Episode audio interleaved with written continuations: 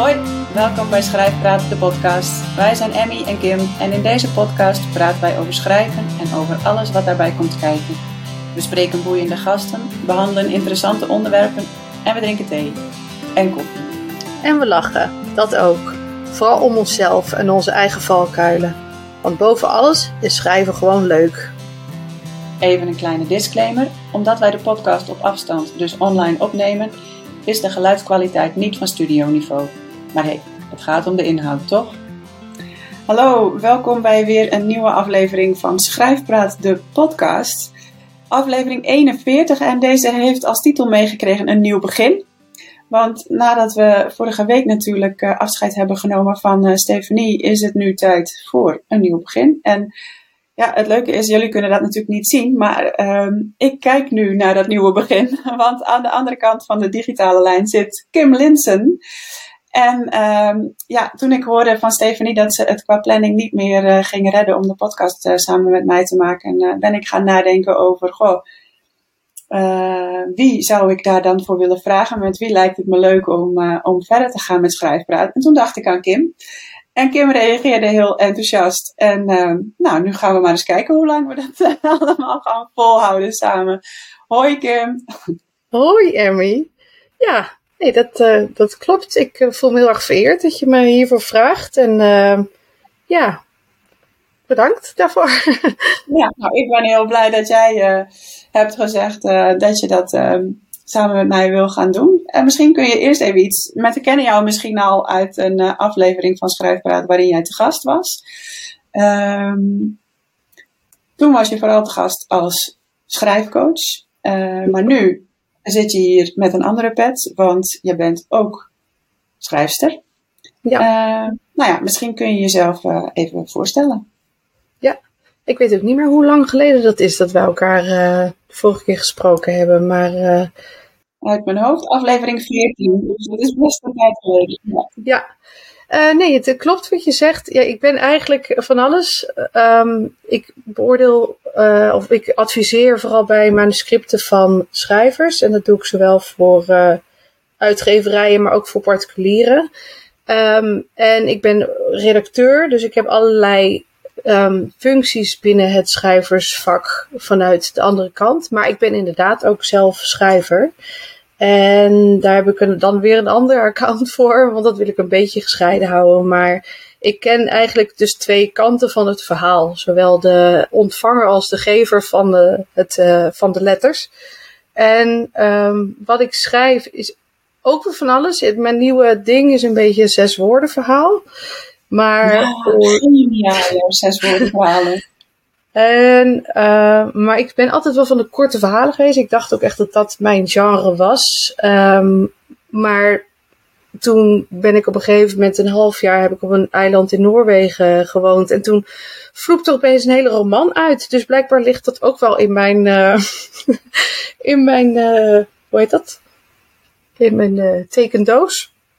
En ja, eigenlijk alleen maar fictie schrijf ik. Dus uh, alles wat valt onder, onder fictie, uh, daar, daar, verdiep ik me in. En ook zelfs gedichten. En daarvan zeg ik altijd dat ik dat niet kan. Maar dat, uh, ja, hoe, hoe, meer je zoiets doet, hoe, makkelijker dat ook gaat, denk ik. Dus uh, ja, wie zegt dan ja. dat je dat niet kan, toch?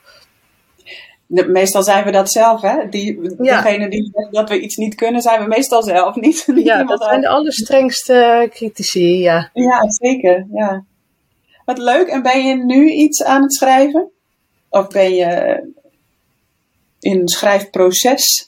Uh, ja, nou, de, de zes woordverhalen die zijn natuurlijk snel af. Het grappige is, die zijn ook. Ik ben ook eigenlijk meer eindredacteur. Dus ik, ik zie zo'n zes woordenverhaal ook echt als een soort puzzel. Ik bedenk een heel kort verhaaltje van een paar zinnen en dan ga ik net zo lang schuiven met synoniemen en um, in inkorten totdat het de zes woorden zijn. Dus het is ook, ik, ik, ik zie mezelf eigenlijk altijd meer als uh, eindredacteur, maar goed. Um, ja, ik ben, um, die roman die ik in Noorwegen schreef, die is af. En daar kan ik op dit moment niet zo heel veel over zeggen. maar zodra dat kan, uh, zal ik het je laten weten. En ja. ik, het is nu natuurlijk, wat is het? Oktober. Uh, dus er komt de Nano Remo aan. De nationale, waar staat het voor? Nationale... November Writing Writing, ja, precies. Ik weet dat Stephanie het vorig jaar ook mee bezig was. En toen was ik het ook van plan, maar toen had ik geen tijd en druk en deadlines. En tot nu toe lukt het me redelijk goed om november vrij te houden van opdrachten. Dus, um, en dan wil ik um, een van de andere romans die ik nog in mijn hoofd heb zitten, um, eigenlijk de eerste versie globaal ruw op papier gaan zetten komende november. Oeh, ambitieus. Ja.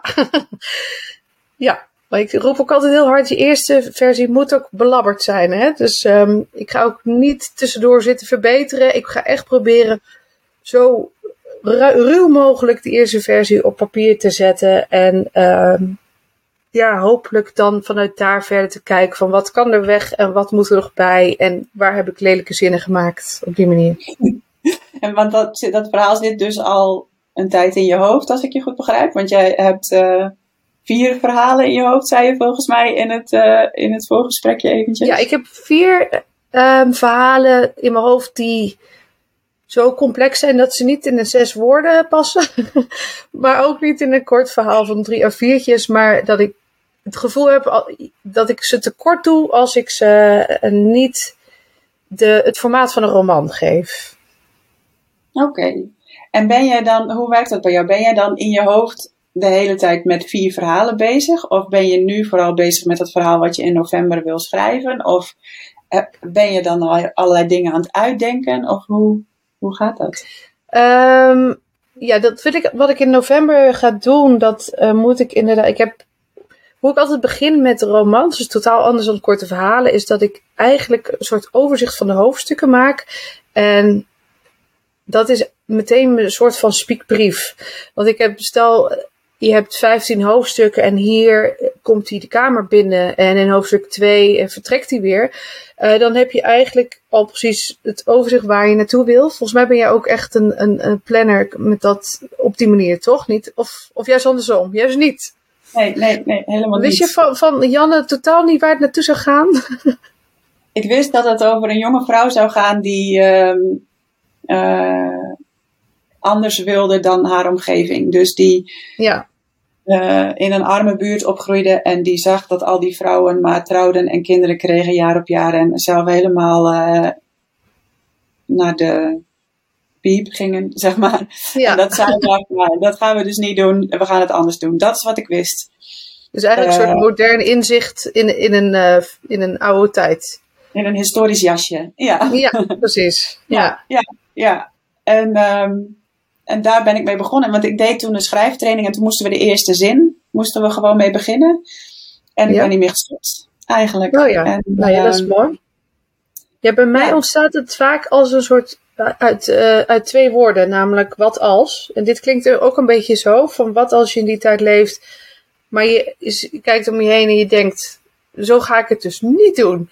ja. Dat is een beetje het idee erachter. En uh, ja, de, zo is mijn roman, die, die dus nu af is, um, ook ontstaan. Van, ja, wat als je op een toen woonde ik dus op een eiland in Noorwegen.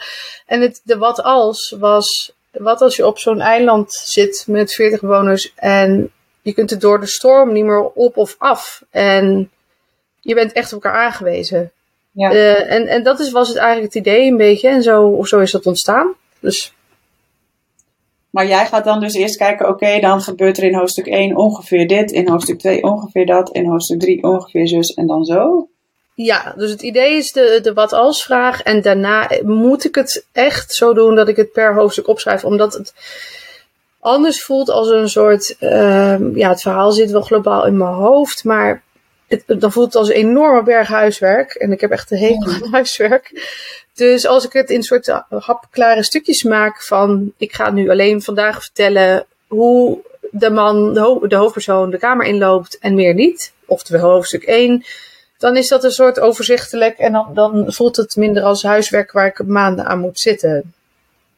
En dan weet ik ook uh, dat een andere reden is nog dat ik weet waar het naartoe gaat. En dat je dat met dat in je achterhoofd ook alles schrijft. Want als ja. ik geen idee heb waar het naartoe gaat, dan kan het best zijn dat ik in hoofdstuk 5 opeens een wending krijg die eigenlijk helemaal niet meer past bij het karakter van de hoofdpersoon, hoe ze was in hoofdstuk 1. En, en de hoofdpersoon kan natuurlijk allerlei veranderingen doormaken, maar als dat niet je bedoeling is, dan moet je dat soms dan weer gaan herschrijven. En dan, ja, dan loop ik eigenlijk vast. Dus ik moet eigenlijk van tevoren al, bij, bij romans in ieder geval, moet ik van tevoren weten waar ik op uit wil komen. En wat intussen, hoe, hoe die weg loopt van begin tot eind, dat ligt misschien niet helemaal vast. En die hoofdstukken, dat spiekbriefje, dus dat kan ik ook tussendoor aanpassen of uitbreiden. Omdat ik denk, oh ja, daar moet hier eigenlijk nog een hoofdstuk bij.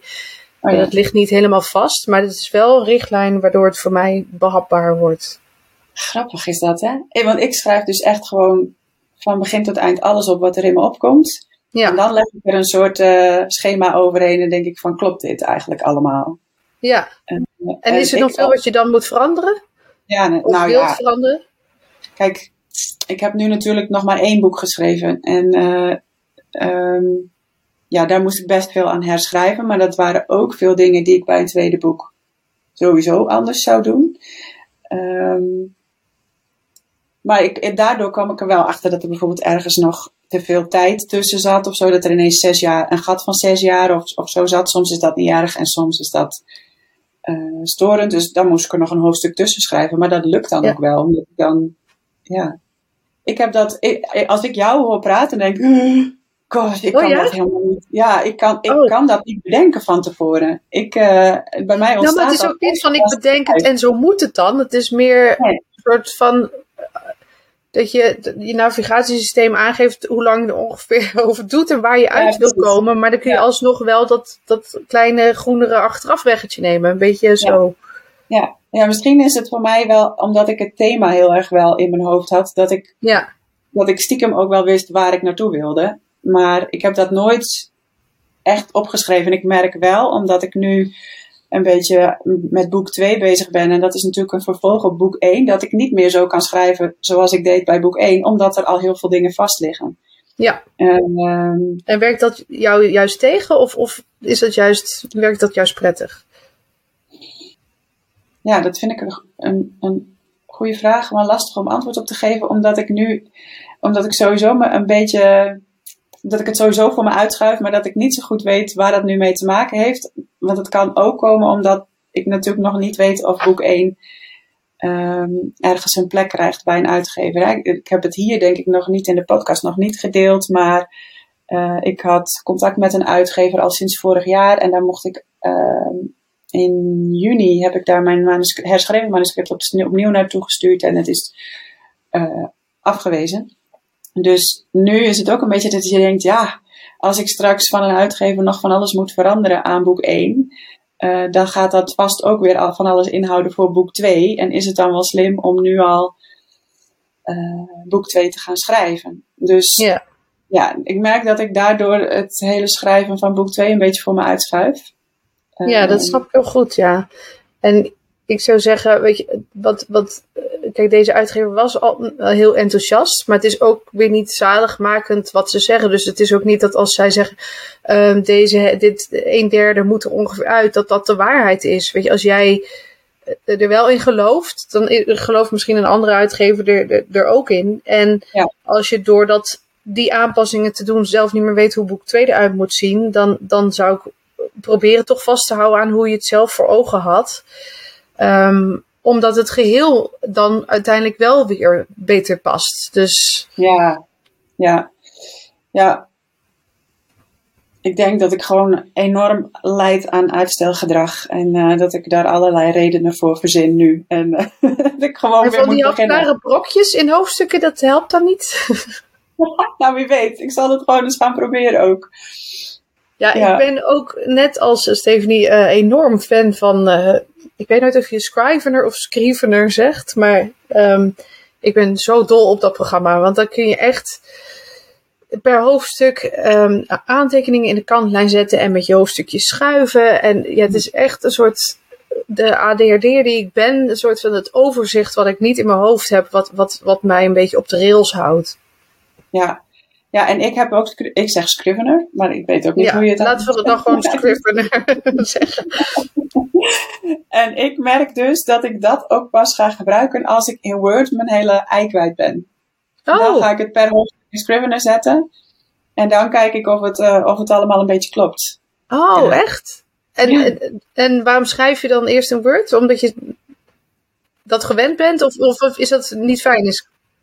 Ik schrijf dus eerst op pen en, met pen en papier. Oh, oh wauw. Ja. Uh, in, in mijn notitieboekjes. Ja. De eerste versie. Um, en wat ik deed is, uh, ja, nu is mijn computer stuk op het moment dat we dit opnemen, maar ik hoop dat hij het weer gaat doen. En daar had ik een nieuwe versie van Word en dan kun je dicteren. En oh. dan lees ik gewoon mijn eigen werk voor. Ja. En dat is heel fijn, want dan hoor je ook meteen of het ritme een beetje klopt, of, um, ja, of er gekke dingen in zitten die helemaal ja. niet lopen. Of, dus dan is dat eigenlijk al een soort van eerste herschrijfronde. Um, ja, en dan zet ik het dus pas in Scrivener.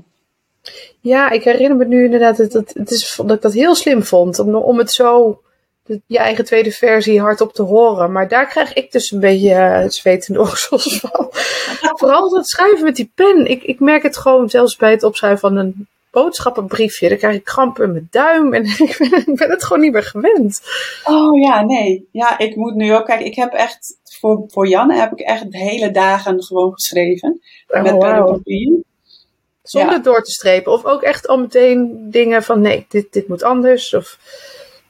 Uh, nee, eigenlijk zonder te strepen. Dat is het voordeel ook van schrijven met pen en papier. Je kunt niet even snel terug en ergens nog een zin tussen zetten. Nee. Of het is gewoon doorschrijven en alles ja. uh, wat er komt uh, op papier gooien. En dan, en dan daarna maar zien wat het is. En dan denk je soms als je het terugleest, my god, heb ik dit echt opgeschreven? Hoe, hoe heb ik het kunnen verzinnen heel snel weg? En soms denk ik ook, hey, dit is best ja. geniaal eigenlijk wat ik hier, hier bedacht heb. En ja, ja da daar moet je dan weer een, een soepje van maken. Ja, slim. Dan moet ik misschien toch maar meer boodschappenlijstjes gaan schrijven. Nee, meer oefenen met, met pen en papier, zodat uh, die kramp in ieder geval verdwijnt. En uh, ik, ja, er is wel wat voor te zeggen inderdaad. Ik vind het juist zo leuk dat het dan ook weer helemaal verschillend is. En dat je dan. Ik, ik kan echt verbaasd zijn over hoe mensen dat doen met al die hoofdstukken uitplannen. Ik, ik, of uitplannen is natuurlijk geen woord. Al die hoofdstukken plannen en uitschrijven. Ik, ik hoor ook echt verhalen van mensen die dan die dan per hoofdstuk ook nog weer alle scènes uitschrijven. En dan denk ik, ja, dan, maar dan, wat moet ik dan straks nog, wat moet ik dan nog verzinnen of zo? Dan heb ik helemaal geen ruimte meer om, uh, om ja, te schrijven. Om spontaan te laten gebeuren, ja. Ja, ja ik, het, het is ook interessant, want mijn korte verhalen, ook, ook de, degene die langer zijn dan zes woorden, ben ik dus absoluut niet aan het plannen. En dan heb ik, vind ik het absoluut niet fijn om te weten waar ik uitkom. Maar uh, dat is echt meer de, de, korte verhalen van, van, van deze tijd zijn ook veel meer van je stapt een scène in en je kijkt even om je heen als lezer en op een gegeven moment stap je een scène weer uit. En ze hebben niet altijd een duidelijk begin of einde, maar meer een soort sfeerimpressie.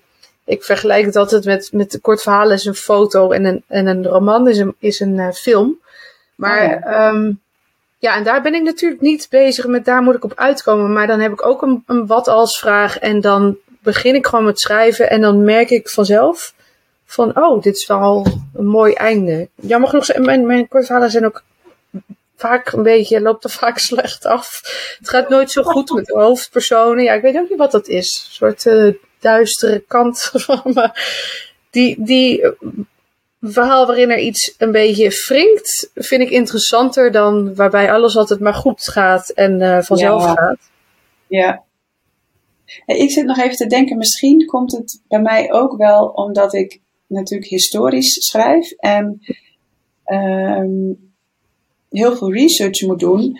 Ja. Uh, eigenlijk is het ook een, ap of een, een kip en een ei verhaal, maar ik merk dus dat als ik research doe op, op iets waar ik tegenaan loop, denk hoe zit dat eigenlijk in die tijd? Dat ik dan dingen ga lezen en dan ook weer dingen tegenkom. Ik denk, oh, die kan ik, kan ik dan straks ook nog wel in het verhaal E-, eh, ergens gebruiken of zo. Om, ja. uh, om de sfeer van de, de stad in die periode neer te zetten. Of, dus er komt ook elke keer weer iets nieuws bij. Ja. Ja, en daar krijgt mijn vrije inspiratie dus een beetje het, het een beetje benauwd van. Omdat ik dan een soort obsessie ze krijgen voor of het dan wel klopt. Terwijl het blijft natuurlijk toch fictie, dus je mag heus wel dingen zelf verzinnen. Maar ik snap ook wel dat je niet uh, je hoofdpersoon een mobiele telefoon gaat geven, want dan wordt het meer fantasy of zo, of science fiction. Ja. Maar het, het hele idee dat ik voortdurend elk feitje moet checken, dat, dat is wat bij mij een soort uh, blokkade zou veroorzaken. Dus het is net interessant om dat met elkaar te vergelijken. Het is ook heel leuk om dan elke keer weer in die, in die geschiedenis te duiken. En oké, weet je, het is inderdaad fictie. Uh, maar ik vind wel dat alles moet kunnen ja. Uh, kloppen. In die zin dat het gebeurd zou moeten kunnen zijn. Ja. Dus uh, in Janne komt ook een personage voor die echt heeft bestaan. De, dat is, dat, dat, daar ontwikkelt zich een vriendschap tussen Janne en het personage. Ehm, dat is in het echt natuurlijk niet gebeurd, want Janne is fictief. Ja. Maar ik heb het wel zo geschreven dat het zou kunnen. Ja, ja dat, dat zou voor mij uh, niet hoog op mijn lijstje staan. Om, om zo, zoiets in een tijd waarbij ik heel veel huiswerk. Ja, daar kom ik weer met het woord. Het voelt echt als huiswerk. Ik was op de ja. middelbare school, had ik ook echt een hekel aan huiswerk. En dingen uitzoeken. Ja, nee, ik doe ook wel research hoor. Ik bedoel, dat, ja, nee, dat zit wel in. Maar het helemaal feitelijk. Elk feitje moet wel kloppen, ja. Nou ja, ik ben heel blij dat, dat jij er blij van wordt en dat ik het niet hoef te doen. Nee, ja, precies. En ik, ik word heel blij van het verschil. Dat we dus elke keer iets hebben om over te praten. Dat weten we nu al, want het gaat, eh, het gaat niet steeds hetzelfde. Um, ja, ik heb er heel veel zin in om, uh, om met jou uh, afleveringen voor Schrijfpraat te maken. Ja, ik ook. Met jou. Mooi. Um, hebben we nog iets gemist vandaag? Heb, heb je nog iets wat je niet nog wilde delen? Of... Um, nou, ik denk dat het misschien wel goed is om te zeggen dat ik. Uh, ik heb altijd met heel veel plezier naar jullie podcast geluisterd. En ik kan natuurlijk niet Stephanie vervangen. Maar jullie hadden een heel leuke dynamiek. En jullie vulden elkaar heel erg leuk aan. En dat zal. Uh, ik bedoel, wij hebben ook een leuke dynamiek. Maar het zal gewoon op een andere manier gaan. Dus ik. Ja, misschien is het goed om even te zeggen dat, dat we het niet gaan voortzetten hoe het was, maar wel het idee erachter wel. En dat we ja. samen een heleboel leuke nieuwe thema's hebben bedacht die we nog weer ja. gaan bespreken. En zullen ook weer gasten komen. En ja, uh, ja ik, we zijn nog lang niet uitgeschrijfd eigenlijk. Nee, zeker niet. Precies. Nou, volgens mij is dat een mooie afronding uh, van deze aflevering. Ja. Uh, wij zijn nog lang niet uitgeschreven praat en uh, we komen bij je terug.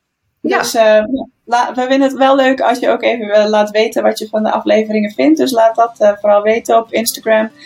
Um, dat kun je zo ook in de outro nog wel even horen hoe je dat precies kan doen. En dan zeggen wij tot de volgende keer. Tot de volgende keer. Superleuk dat je weer geluisterd hebt. Luister jij graag naar Schrijfpraat en wil je ons helpen de podcast te blijven maken?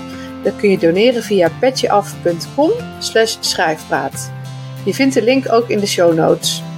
Met een review of een beoordeling op iTunes of Spotify help je ons hoger in de lijsten te komen en help je nieuwe luisteraars om ons te vinden. Deel de podcast ook gerust in je netwerk of op social media en tag ons dan even. Wij vinden het fantastisch om te weten wie je luistert. Heb je vragen of is er een onderwerp waar jij onze mening of ervaringen over wilt horen? Of is er iemand die jij graag als gast in Schrijfpraat zou horen? Laat het ons dan weten. Bijvoorbeeld via Instagram. Kim-Linsen-auteur en Emmy de Vries.